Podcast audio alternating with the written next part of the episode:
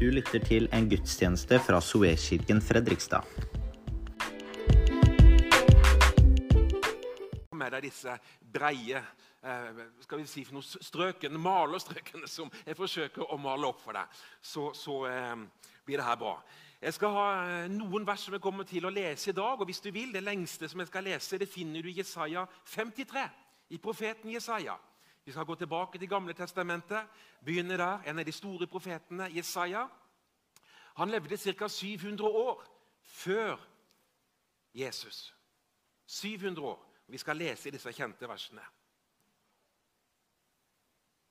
Han, altså han profeterer om Jesus. da. Jesus skjøt opp som en spire for hans ansikt, som et rotskudd av tørr jord. Han hadde ingen herlig skikkelse vi kunne se på. Altså, det her er jo med Jesu død. Langfredag, det her. Ikke et utseende vi kunne glede oss over. Han var foraktet og forlatt av mennesker. En mann vel kjent med smerte og sykdom. En som de skjuler sitt ansikt for. Han var forakta. De regner ham for intet. Sannelig, våre sykdommer, våre smerter bar han. Vi tenkte han er ramma av Gud og slått og plaga. Men han ble såret for våre lovbrudd, knust for våre synder. Straffen lå på ham. Vi fikk fred. Ved hans sår ble vi helbreda. Vi gikk oss alle vill som sauer. Hver tok sin egen vei. Men skylden som vi alle hadde, lot Herren ramme ham. Han ble mishandla, han ble plaga. Han åpna ikke munnen, lik et lam som føres bort for å slaktes. Lik en sau som tier når den klippes. Og han åpnet ikke munnen. Etter fengsel og dom ble han tatt bort. Men hvem i hans tid tenkte på at han ble utrydda av de levendes land fordi mitt folks lovbud ramma ham? Da han var død, fikk han sin grav blant urettferdige hos en rik, enda han ikke hadde brukt vold, og det fantes ikke svik i hans munn. Det var Herrens vilje å knuse ham med sykdom. Når hans liv er gitt som skyldoffer, skal skal han se etterkommere og leve lenge. Ved hans hånd skal det lykkes, det Herren vil. Amen. Far, jeg takker deg for ditt ord. Jeg takker deg at det er levende. Jeg takker deg at det skaper noe. Og jeg ber Herre at det ord som du har gitt meg, det skal ved Den hellige ånd få bli levende og skape noe i hver enkelt som får høre dette her. I Jesu navn. Amen. Vi hadde en, et fantastisk møte her sist søndag hvor Kalle på en, en, en, herlig herlig måte delte noe om hvem Jesus var, og hvorfor han kom til jorda. Han satte liksom eh, kursen for påska. Og De dagene som vi har vært igjennom, nå, eh, det er jo en eh, skal Vi si, for når vi følger Jesu lidelseshistorie hvert år Jeg prøver å gjøre det, det tror jeg du også prøver å gjøre. Og det gjør noe med meg hver gang.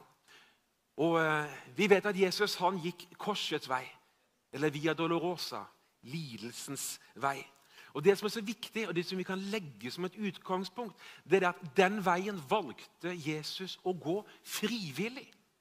Det var ikke en plikt. Det var ikke noe han ble beordra til av Faderen til å gjøre, men han valgte det av sin egen frie viljes råd, av kjærlighet til oss mennesker. Og når han ble født, så ble han født både som Gud og menneske. Men han valgte å leve under samme kår som oss. Det var, ikke, ja, det var Gudesønnen som kom, men han levde under samme kår som meg og deg. Han møtte akkurat de samme utfordringene som det du og jeg har gjort. Han hadde alle muligheter til å synde, men han hadde også alle muligheter til å fullføre sitt løp og stige opp på korset. Og hans hvorfor valgte han å stige opp på korset? Jo, fordi hans oppdrag på jorden det var ikke for seg sjøl. Det var ikke for at han skulle bli herliggjort på jorda, men det var for å forsone mennesker med Gud. Jesus han var tydelig fra han forlot himmelen til han steg ned på jord. Så var han tydelig på hvorfor. For å redde deg og for å redde meg. Og Derfor så blir vi aldri ferdig med å synge lovsangene til Jesus. Så takk igjen for en herlig lovsanger som dere har tatt med oss i formiddag. Og hva var Jesu oppdrag? Kalle leste det også sist søndag. Du har lest det mange ganger. Sier Lukas 4, 18, så er det mange som vet hva som står der. Jesus Han, Vi det er ikke så mye vi vet om Jesus før han fyller 30. Det står litt når han, var, når han ble født, selvfølgelig, og når han var 12 år i tempelet. Eh, men så vet vi ikke mer før han så smått begynner sin tjeneste når han er ca. 30 år. Og Han går inn i synagogen, hjemstedet sitt. Han åpner bokrullen som de gjør på sabbaten. Alt er sedvane, alt er skikk. Vi kommer til gudstjeneste, til møter av sedvane, og det er bra. Og Så leser han i Lukas 4, vers 18 og 19. Herrens ånd er over meg, for han har salva meg til å forkynne et godt budskap for fattige. Han har sendt meg for å rope ut at fanger skal få frihet, og blinde får syn igjen, for å sette undertrykte fri, og rope ut et nådens år fra Herren. Så lukka han rullen. I dag sier han til de som sitter der. Og det var nytt. I dag er dette blitt oppfylt for deres øyne. Der starta han sin tjeneste. Kortfatta, enkelt sagt, hva var Jesu oppdrag? Jo, han skulle gå rundt og gjøre godt. Og vise noe av himmelen på jord. Og det er ut fra det som vi har den boka, denne delen av Bibelen som vi kaller for Det nye testamentet. Her flagrer det ut vet du, med Matteus, Markus, Lukas og Johannes, som bare favner en del av alt det Jesus gjorde. Og I løpet av de tre årene som han har sin tjeneste, så samler han mennesker. Han samler tidvis mange mennesker. Han skaper oppstuss. De, de, de, religiøse lederne de freser jo fordi han rokker ved alt det som de har bygd opp av lover og forordninger som skal til for å holde kontroll på folket. Men han kommer med frihet. Han kommer med frihet, og det gjør han også her i dag. Han er her for å sette deg i frihet. Ja, jeg er så veldig bundet, sier du. Ja, Det er det bare du og Gud som vet. Men jeg vet at uansett hva du kjenner deg bundet av, så er Gud her for å møte deg. Han er her for å hjelpe deg. Han er her for å knekke bånd, som du i det naturlige har stilt, sagt til deg sjøl. Jeg vet ikke hvordan det skal gå. Jeg har holdt på med det så lenge. Jeg klarer ikke mer. Vet du hva, min venn? Jeg har et ord til deg i dag. Gud kan, og Gud vil. Det er noen som sier det sånn, hørte det for noen år siden. Gud er i godt humør i dag. Vet du, Mange har det bildet av Gud som bare er ute etter å ta deg. Oh, der fikk jeg tatt! Nei, han er ikke det, min venn. Han er ute etter å hjelpe. Han er ute etter å forbinde sår, helle på olje på våre sår. Bygge oss opp, og så vil han lede oss videre på den veien som han har for oss. Halleluja. Det er den guden som jeg har blitt kjent med. Det er den guden du har fått møte, håper jeg. Og har du ikke det, enten du sitter her eller du følger med, så skal jeg vise deg i dag noe av Guds godhet og hans skjønnhet. Og forsøke å lokke deg til å våge å bli mer kjent med ham. Halleluja. Disse tre årene når du tenker etter i ditt eget liv, tre år det går ganske fort. Og enda fortere når vi leser i disse evangeliene. Det er ikke så mange minuttene eller timene vi bruker på å lese gjennom, men det er tre år. Og Jesus han lever disse tre årene i tjeneste. Han viser noe av Guds rike, noe av Guds kraft. Han helbreder eh, mennesker, han gjør brødunder, han gjør vann om til vin. Han reiser mennesker opp ifra de døde. Men han vet at en dag så skal jeg forlate de som jeg har blitt kjent med. En dag så skal jeg forlate denne jorda, og jeg skal gjøre det med en hensikt. For jeg skal opp på et kors, jeg skal dø. Og Han forsøker jo å fortelle disiplene underveis at jeg kommer til å dø. Jeg kommer til å bli tatt bort fra dere. Og de skjønner jo ikke helt det her. Og det kan vi jo forstå. Det er ikke så lett å forstå når vi bare leser, for vi leser det her på noen minutter. Men når de har levd med han, så gjør de seg sine tanker på hvordan saker og ting skal skje. Men eh, vi kommer inn i påska. Vi har skjærtorsdagen. Der eh, samles de til måltid. De er i Jerusalem. De spiser av skikk som sedvane. Og de fryder seg i nærværet med både hverandre og med Herren. Men Jesus vet at det er bare noen timer til han skal dø. Og Han tar med seg disiplene, noen av disiplene ut i Getsemane-hagen, som ligger rett på nedsida Jerusalem, for å be. For Jesus vet at nå er timen kommet. Han begynner å kjenne presset. Han gruer seg. Han Var han ikke gudesønnen, sier du? Var det ikke bare å stige opp og komme? Han levde under samme kår som oss. Han kjenner frykten. Og det står det at svetten ble som blod. Og Det er medisinsk bevist. Under sterke påkjenninger så kan mennesket blø. Og Så folder han sine hender, tror nå jeg da. Så ber han til sin far. Om du vil, far, så ta dette begeret borti fra meg. Men ikke som jeg vil, men som du vil. Og Så vet vi at soldatene kommer. Han er blitt forrådt av Judas. Soldatene kommer for å ta ham. Han kunne kalt ned en legion fra himmelen med engler og befri ham. Men han velger å la seg føres dit han ikke ville gå i seg sjøl. Han kommer fram foran Pilatus. Han finner ingen skyld hos ham. Jesus er uskyldig. Ikke har han synda, ikke har han gjort seg skyldig i noen av anklagene heller. Og Pilatus sier jo 'jeg finner ingen skyld hos denne mannen'. Hvorfor vil dere ta han? Vi kjenner historien. Pilatus prøver å få folket med seg. Han prøver å få dem med ved å sette fram den verste forbryteren de har, Barabas. Han tenker sikkert ja, men viser jeg, Får de valget mellom ham og Jesus, så velger de Jesus. De gjør ikke det. De velger Barabas. Og Jesus blir dømt til døden. Pilatus prøvde å toe sine hender, men det var han som var juridisk ansvarlig. Det var Pilatus som på vegne av Romerriket dømte Jesus til å dø på korset. Og Når Jesus går gjennom Jerusalems gater Kanskje noen har vært i Israel, vært i Jerusalem og sett denne Via Dolorosa. Man mener at Jesus gikk med korset, bar korset, tårnekronen. Han var hunsa. Han var blitt piska 39 ganger. Piska med en type pisk med nagler i, som for hvert rapp rev opp noe av ryggen hans. Han var mishandla på det groveste. Det var omtrent ingen som overlevde 39 slag. Og I tillegg skulle Jesus slepe på et kors. Det korset er lett i forhold. Han var en som folk snudde ansiktet bort ifra. Det gjorde for vondt å se. Disiplene sto sikkert langs veien og så. Hans mamma. Jesus. Hvordan kan det skje? Han, han har bare gjort godt. Hva, hva, er det som skjer? Det var ikke så lett å tenke at han hadde lovt han skulle stå opp igjen. De skjønte det ikke. Så kommer Jesus til Golgata. Og Man kan ha et romantisert bilde av hva som skjer. Men venn, det er ikke noe romantikk i det. Korsfestelse er en grusom henrettelsesmetode som romerne oppfant. Og Det var ikke snakk om å slå gjennom håndflata. Den er litt åpen og ærlig her. Fordi håndflata tåler ikke trykket når du henger på korset. Den revner. Så de måtte slå naglene gjennom beinet her. Og så slår de gjennom føttene.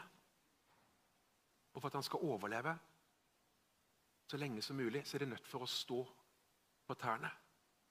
Når de ikke klarer det, så siger kroppen ned, og så er det egentlig en kvelningsdød. Men det var ikke i første rekke det fysiske som Jesus grudde seg til. Det Jesus grudde seg til, og som han visste var årsaken til han var kommet, det var at han skulle være sonofferlammet. Jødene ofra jo et lam ved hver påske. Hva er et lam? Jo, det er et lite dyr. Det var uten skade, det var uten lyte. Det hadde ikke rukket å gjøre noe galt. Og Det ble symbolet på synd for folket. Og Jesus han ble vårt lam. Han var uskyldig. Han hadde ikke tenkt en feil tanke. Han hadde ikke syndet, han hadde ikke gjort noen ting galt. Han var ren. Og han tok på seg all synd, all skyld, all skam. Og han tok på seg det ultimate, gikk inn i døden, hvor han ble skilt ifra Gud. Han ble skilt ifra Faderen. Det er det som er døden. Det er bare de som kjenner Faderen, som kommer til himmelen. Det er bare de som kjenner Faderen gjennom Jesus, som kommer til himmelen. Og Det tok Jesus på seg. Så når Jesus henger på korset, så skjer det som han har grudd seg til så roper han ut rett før han dør. Min Gud, min Gud, hvorfor har du forlatt meg?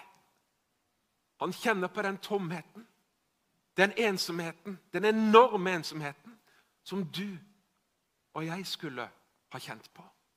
Som du og jeg skulle ha fått. Derfor var det Jesus døde. Han dør, himmelen skakes. Forhenget inn det helligste. Det revna. Det skulle ikke kunne gå. Det var tykt, tykt, tykt forheng. Det revna. Hvorfor det? Jo, fordi Gud viste for menneskeheten jeg åpner opp inn til mitt aller helligste gjennom at min sønn døde. Men det vet jo ikke disiplene eller etterfølgende til Jesus der og da. Mammaen hans, Jesus, eh, Maria, hun står og ser på at han dør. Rett før Jesus dør. Jeg synes Det er noe av det vakreste i denne forferdelige lidelsesfortellingen. Så ser Jesus ned så ser han på Maria. Sier han For Johannes står på sida. Johannes, her er din mor. Maria, det er din sønn. Midt i døden så så Jesus deg og meg. Han blir tatt ned fra korset. Han blir etter jødisk skikk gjort klar til å begraves. I en rik. Husker du vi leste det til å begynne med? En rik mann. Dette er mener de bildet fra der hvor Jesus ble begravd i Jerusalem. Der blir han lagt. Der skal han ligge. Og disiplene de eh, skjuler seg selvfølgelig. De er desillusjonerte. Han skulle, han skulle ikke dø. Han skulle jo stå opp. Han skulle overvinne. De sitter der og undrer. De sitter der. Jeg tør ikke tenke tanken engang. Men vi skjønner fortvilelsen råder. Hva er det som skjer når Jesus dør? Vi vet ikke så veldig mye disse tre dagene. her. Men det vi vet, er at i Matteus 12 så sier Jesus så sammenligner han seg sjøl med Jonah, som var tre dager og tre netter i den store fiskens buk. Og han sier om seg sjøl at på samme måte så skal jeg være i jordens hjerte. Peter skriver i 1. Peter 3, 18 og 19.: For Kristus led, selv led for synder en gang for alle, den rettferdige for urettferdige, for å føre dere fram til Gud. Med kroppen døde han, men ved ånden ble han gjort levende. Og slik gikk han bort og forkynte for ånden, åndene som var i fangenskap. Det er stort sett det Bibelen sier. Og da skal vi la det være med det. Vi skal ikke spekulere noe som Bibelen ikke sier noe om. Men det er det Bibelen sier, og det holder. Og det holder. Men det vi vet, det er at på korset så skjedde forsoningen. På korset så ble menneskeheten forsonet med Gud. Det står i Kolossene kapittel 2, vers 14 og 15. Hør nå. Han utsletta skyldbrevet, gjeldsbrevet, mot oss, som var skrevet med bud. Det som gikk oss imot. Det tok han bort da han nagla det til korset. Han avvæpnet maktene og myndighetene og stilte dem åpenlyst til skue da han viste seg som seierherre over dem på korset. Halleluja! Det var som skjer på korset. Det var hør nå, det var aldri en reell kamp om Jesus skulle vinne over djevelen eller ikke. Det var ikke sånn at himmelen sto og beva og lurte på kommer Jesus til å vinne dette. Nei, Gud har alltid vært. Jesus er Gud, og Gud er Jesus. Det var det. Men var det da et spill for galleriet? Nei. Var det en leik? Nei, det var blodig alvor. Jesus kunne ha valgt å ikke dø og bli henta hjem til himmelen. Men eh, Jesus sa om seg sjøl i Johannes kapittel 10, vers 17 og 18.: Far elsker meg fordi jeg gir livet mitt for siden å ta det tilbake. Ingen tar mitt liv. Jeg gir det frivillig, for jeg har makt til å gi det, og makt til å ta det tilbake igjen. Dette oppdraget har jeg fått av min far. Snakka litt med kona mi Kristine, hun er teolog, og sa at akkurat de versene her sa, det kan lignes, det kan være som en lignelse, hvor du blir kasta i en fengselscelle, fengselsdøra smeller igjen bak deg, og så åpner du hånda, og der har du nøkkelen. Tilsynelatende er du fengsla, men du har nøkkelen ut. Halleluja. Så da Jesus utdanna på korset, han ropte at det er fullbrakt, da var hans jordiske oppdrag fullført. Han for ned til dødsriket, han løste ut de som var i djevelens vold. Og det ble åpenbart for djevelen og alle hans demoner at Jesus hadde beseira dødens makt. Han hadde beseira syndens makt. Disse 39 piskeslagene Det sies det at av alle sykdommer som vi har, så kan alle rammes inn i grupper som til sammen teller 39. Altså for hvert piskeslag Jesus fikk, så var det en betaling for hver eneste sykdom som finnes. Det finnes ikke en eneste sykdom som ikke Jesus tok opp på korset. Det finnes ikke én synd som ikke Jesus døde for på korset. Det finnes ikke noe, ikke en millimeter, som ikke ble dekka av Jesu blod på korset. Halleluja. Og det ble åpenbart for djevelen og hans demoner den dagen. De skalv når de så Jesus komme ned i dødsriket og tale. Og det der sier at når Jesus står opp igjen Han hadde hele tida lammets natur, men han hadde hele tida også løvens natur. Men for at de skal forstå det, så sier han at når Jesus døde, så var han lammet. Men når han står opp igjen, så står han opp som kongen. Han står opp som løven. Han står opp som den seirende. Ikke den beseirede, men den seirende. Du kan studere de religioner du vil i verden. Alle grunnleggere av religioner er død. Men Jesus, han lever. Hvorfor det? Forstår meg rett nå. For det er ikke en religion, det er en relasjon. Det er livet. Halleluja. Det er det som skiller oss ifra alle. Halleluja. Men dette vet jo ikke ennå disiplene, etterfølgende, de som har fulgt Jesus. Dette vet de ikke ennå. De sitter hjemme. Jeg tror de ber. De ber, de kjenner på sorgen, smerten, savnet. De sitter og ber. Så skal du bli med meg litt nå i Matteus 28. Så skal du få tid til å slå opp.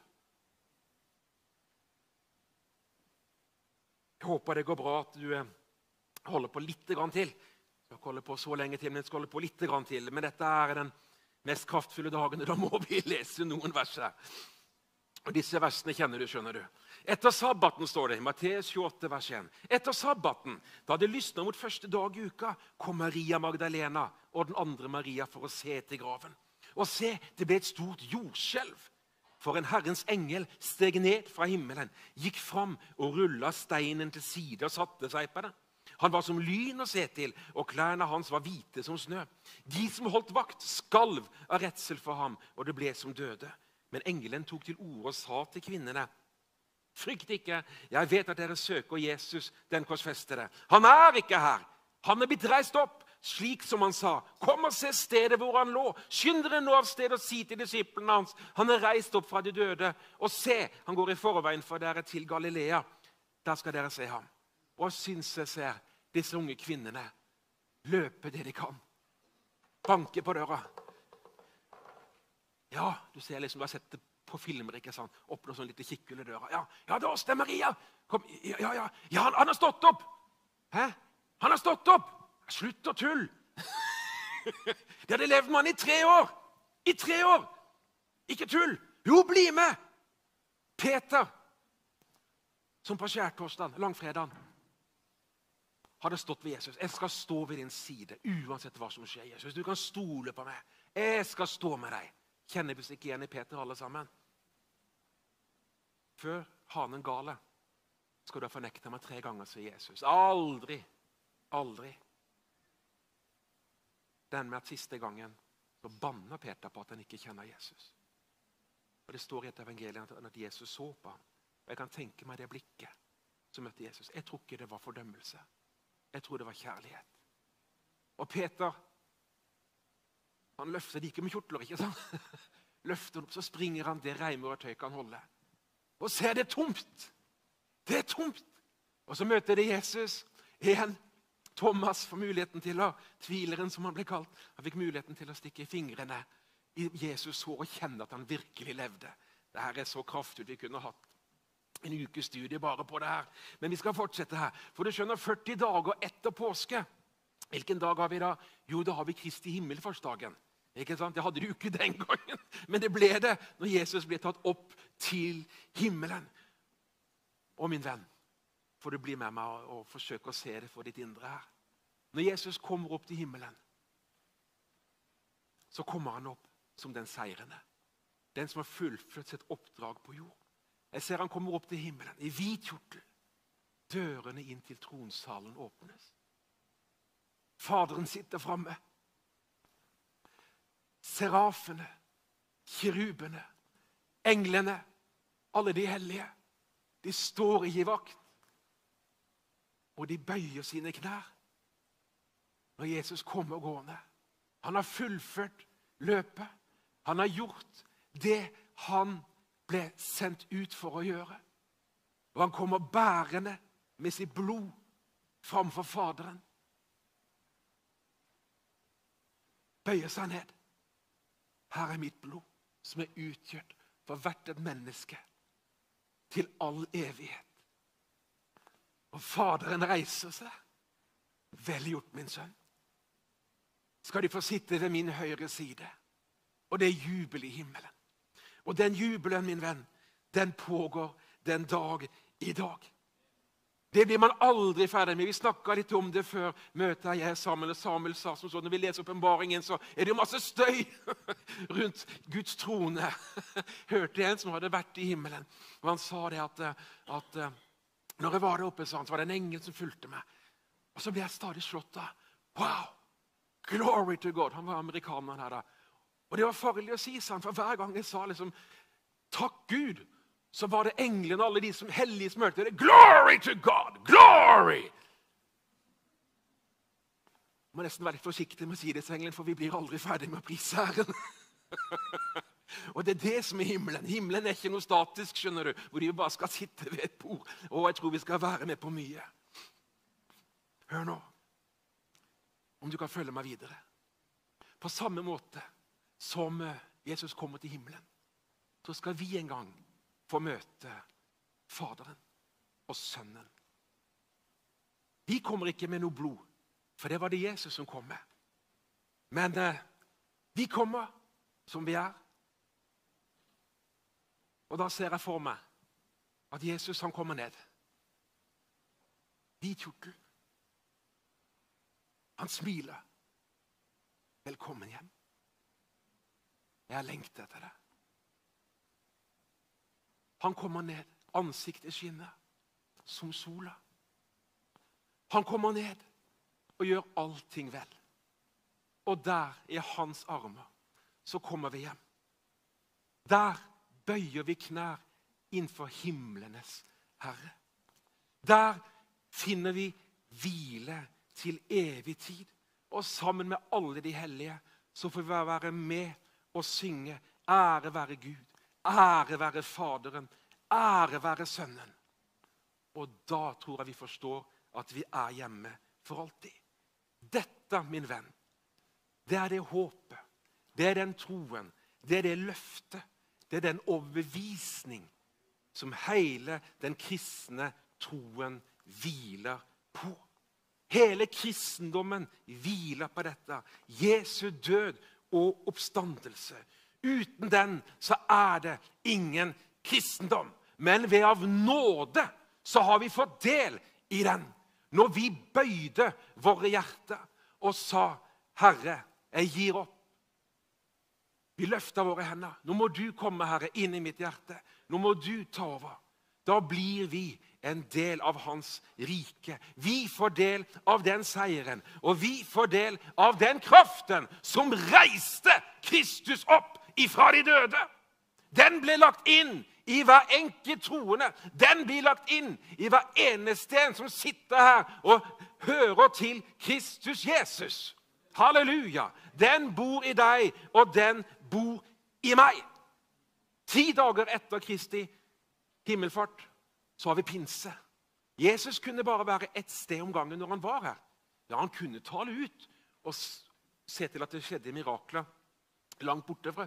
Det kjenner vi jo med romerske høvedsmannen, embetsmannen, som kom ikke sant, og Datteren hans var alvorlig syk og ville ha Jesus til å komme og be. og Jesus sier nei, men det, det, det, det har jeg ikke tid til. Nei, men sier han høvedsmannen, eh, du, jeg har soldater under meg. Når jeg sier at de skal gjøre noe, så gjør de det. Han hadde skjønt hvordan det fungerte. vet du. Kan ikke du bare si et ord, Jesus, så blir dattera mi frisk? Så blir Jesus helt slått. Så stor tro har ikke jeg funnet i Israel. Men gå, sa han. Dattera di er frisk.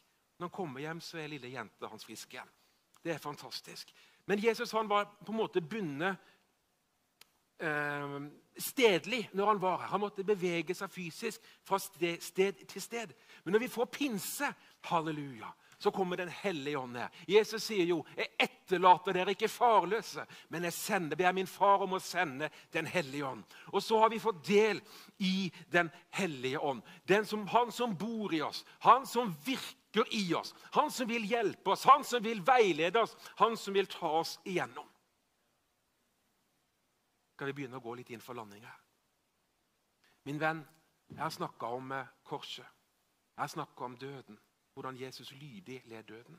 Det er også sånn i våre liv innimellom, hvor vi opplever tider hvor vi må dø. Det kan se ut som at mørket vinner. Drømmene faller i grus. Det vakreste, det fineste vi har, det blir tatt bort ifra oss. Alt vi sitter igjen med, det er savnet, sorgen og tapet. Vi kan kjenne tankene komme at ja, men det nytta ikke. Vi ba. Det var forgjeves. Hør nå midt i sorgen, så kommer Jesus. Han kommer ned, strekker ut sin hånd. Så er det opp til oss å ta tak i hånda og la oss bli dratt opp. Kom opp i hans favn og få oppleve hvordan lyset bryter gjennom sorgen. Hvordan lyset bryter gjennom smerten. Der det var mørke, der blir det lys.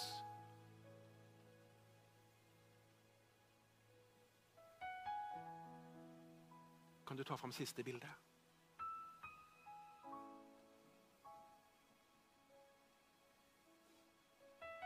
Korset, det er starten på vårt liv med Herren. Det er der det begynner. Men alle som skal få et evig liv, de må velge å dø. De må velge å dø fra seg sjøl. De må velge å dø fra sine tanker. Og skal du leve liv med Gud Det gjelder oss alle, også meg. Så må jeg dø fra meg sjøl. Hver dag. Ta opp korset, står det, og følge det. Hva betyr det? Skal slippe rundt på et Nei, selvfølgelig skal vi ikke slippe rundt på et kors. Men vi skal ta med oss hensikten med hvorfor Jesus kom. Han kom for å gjøre det som var godt. Han gikk rundt og gjorde vel. Det, min venn, det er Guds kall over ditt og mitt liv. Gå rundt og gjøre vel. Sette fanger i frihet. Formidle noe av himmelen der hvor du er. Jeg tror en av de største løgnene som eh, djevelen lykkes med i Guds menighet, det er tanken at uh, jeg, kan, jeg, kan, så lite. Jeg har ikke så mye å si. Jeg duger ikke til så mye. I dag skal vi knekke den tanken. Vi skal bryte den tanken. Det står i Markus, siste jeg skal lese. Og Disse tegnene skal følge den som tror. I mitt navn skal de drive ut onde ånder. De skal tale ny tungemål. De skal ta slanger i hendene. Om de drikker dødelig gift, skal det ikke skade dem. Og når de legger hendene på syke, skal de bli friske. Jeg vil fortsette å gjøre godt. Det vet jeg du også vil. Jeg vil fortsette å be for syke. Jeg vil fortsette å tro, selv om jeg ikke ser det i det naturlige. Jeg vil fortsette å rulle på den steinen som stengte Jesus inne. For før eller siden så må steinen flytte seg. Ikke i min kraft, men i Han som bor i meg. Halleluja. Du er høyt elska, min venn. Du er så høyt elska at Jesus han døde for deg. Om bare du hadde vært på jorda, så hadde Jesus kommet og dødd. Han hadde betalt prisen. Om du sitter her og ikke har tatt imot Jesus, om du sitter hjemme og hører så vil jeg si det til deg at i dag er dagen hvor du kan få fred med Gud. Om du kjenner at du har kommet på avstand med Gud, så vil jeg si til deg i dag er dagen hvor du kan få komme tilbake til Gud. Han står her og venter på deg. Om du kjenner at det gikk i stykker, eller eh, Jeg behøver mer av Guds kraft i mitt liv, for det gjør vi alle. Vi har det inni oss, men vi er mennesker. Vi er mennesker. Det fins ingen supermenn. De som prediker det, de eh, finner ikke det noe sted i Bibelen. Men eh, det fins tider hvor vi er sterke, og det finnes tider hvor vi er svake. Da er vi et fellesskap. Vi er en familie hvor vi omslutter hverandre. Vi løfter armene til de som trenger hjelp til å løfte armene. Vi gråter med de som gråter, og vi gleder oss med de som gleder seg. Da finnes det en plass her i dag og vil invitere deg fram. Og nå går vi inn, synger vi litt, og så kutter vi streamingen ganske straks. Så vil jeg invitere deg fram. Så vil vi være med og be for deg. Og så vil vi stå i tro i sammen med deg. For at den samme oppstandelseskraften som reiste Jesus opp ifra de døde, den skal også skape en forandring i ditt liv og i din situasjon. Amen. Skal vi ta lovsynge Herren igjen, og så skal vi gå videre etterpå. Halleluja. Um, jeg bare kjenner i hjertet mitt vi, vi kommer til å spille litt her. Og ta gjerne noen minutter. Bare tenke på det Gud har gjort for deg. Og bare takk ham med dine egne ord rett før vi går inn i tilbedelse. Du kan gjerne stå opp, eller du kan gjerne sitte mens vi spiller. Og ja Bare ta en liten tid og bare tenk, liksom, la det synke inn i hjertet ditt. Og tenke på virkelig hva Gud har gjort for deg.